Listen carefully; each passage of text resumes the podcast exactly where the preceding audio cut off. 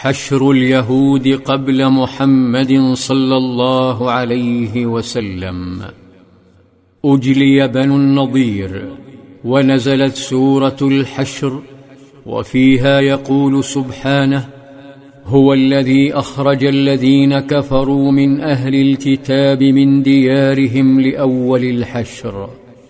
وهذا يعني أنهم سيتعرضون لحشر آخر. كلما كشفت الأمم خياناتهم ومؤامراتهم كالذي تعرضوا له من قبل من غضب الأمم بدءا من الملك المصري شيشينك عام خمسة وأربعين وتسعمائة قبل الميلاد الذي أغار على القدس وأحرق نسخة التوراة الوحيدة. ثم أغار عليهم ملك العراق بخت نصر عام سبعة وتسعين وخمسمائة قبل الميلاد فلم يكتف بحرق التوراة التي أعادوا كتابتها مشوهة بل أخذ اليهود اسرى إلى أرض بابل بالعراق قرابة السبعين عاما. حتى نشأ جيل يهودي آخر بعقيدة أخرى بعقيدة غير عقيدة موسى عليه السلام الصافية. في بابل تمت كتابة توراة بديلة عنصرية. قرروا فيها أن الله إله لليهود فقط وأنهم ليسوا كبقية البشر. والدليل هو وجود نص في هذه التوراة المختلقة. لا يمكن تصديقه. يقول ثم مات موسى ودفن في سيناء ولا أحد يعرف قبره حتى الآن. هذا الكلام لا يمكن أن يكون من قول الله ولا قول موسى. فالتوراة نزلت عليه وهذا النص يتحدث عن موته ولا يمكن أن يقوله صحابته ولا التابعون لهم فهؤلاء لا يجهلون قبره. إن كاتبه بعيد عن سيناء وفلسطين ولا يمكن تفسيره إلا بزمن أسر بابل.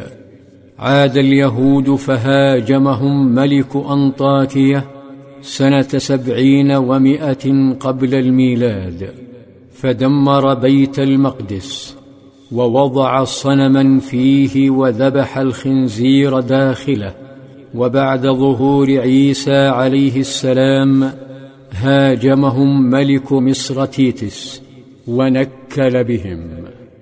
لم يكن ما جرى لليهود ليجري لولا سلوكهم ونظرتهم العنصرية لبقية البشر. وحتى لما حكم النصارى الدولة الرومانية لاحقوهم ورفضوا دخولهم بيت المقدس لأنهم يتهمونهم بخيانة عيسى ابن مريم واتهام أمه عليها السلام بالزنا. وتسليمه وصلبه وما صلبوه وما قتلوه ومن شدة احتقار النصارى لهم أنهم قاموا بتحويل الصخرة التي يقدسها اليهود إلى مكان للنفايات حتى إن المزابل غطتها. ولما بعث محمد صلى الله عليه وسلم حاول كثيرا التعايش معهم وحاورهم لكنهم خانوه ثم كتب معاهدة معهم فخانه بنو النضير فسامحهم وعاهدهم فخانه بنو قينقاع فسامحهم وجدد معاهدتهم. فخانته قريضة فسامحهم وجدد معاهدتهم. ثم عادت النظير إلى الخيانة ومحاولة قتله فأجلاهم صلى الله عليه وسلم. وكان جلاؤهم هو أول الحشر.